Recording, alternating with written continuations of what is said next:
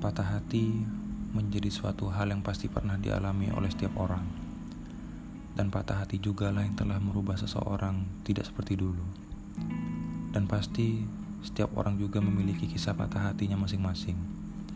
Dan kini di setiap minggu kita bisa berbagi tentang cerita patah hati kita di podcast Broken Heart Al.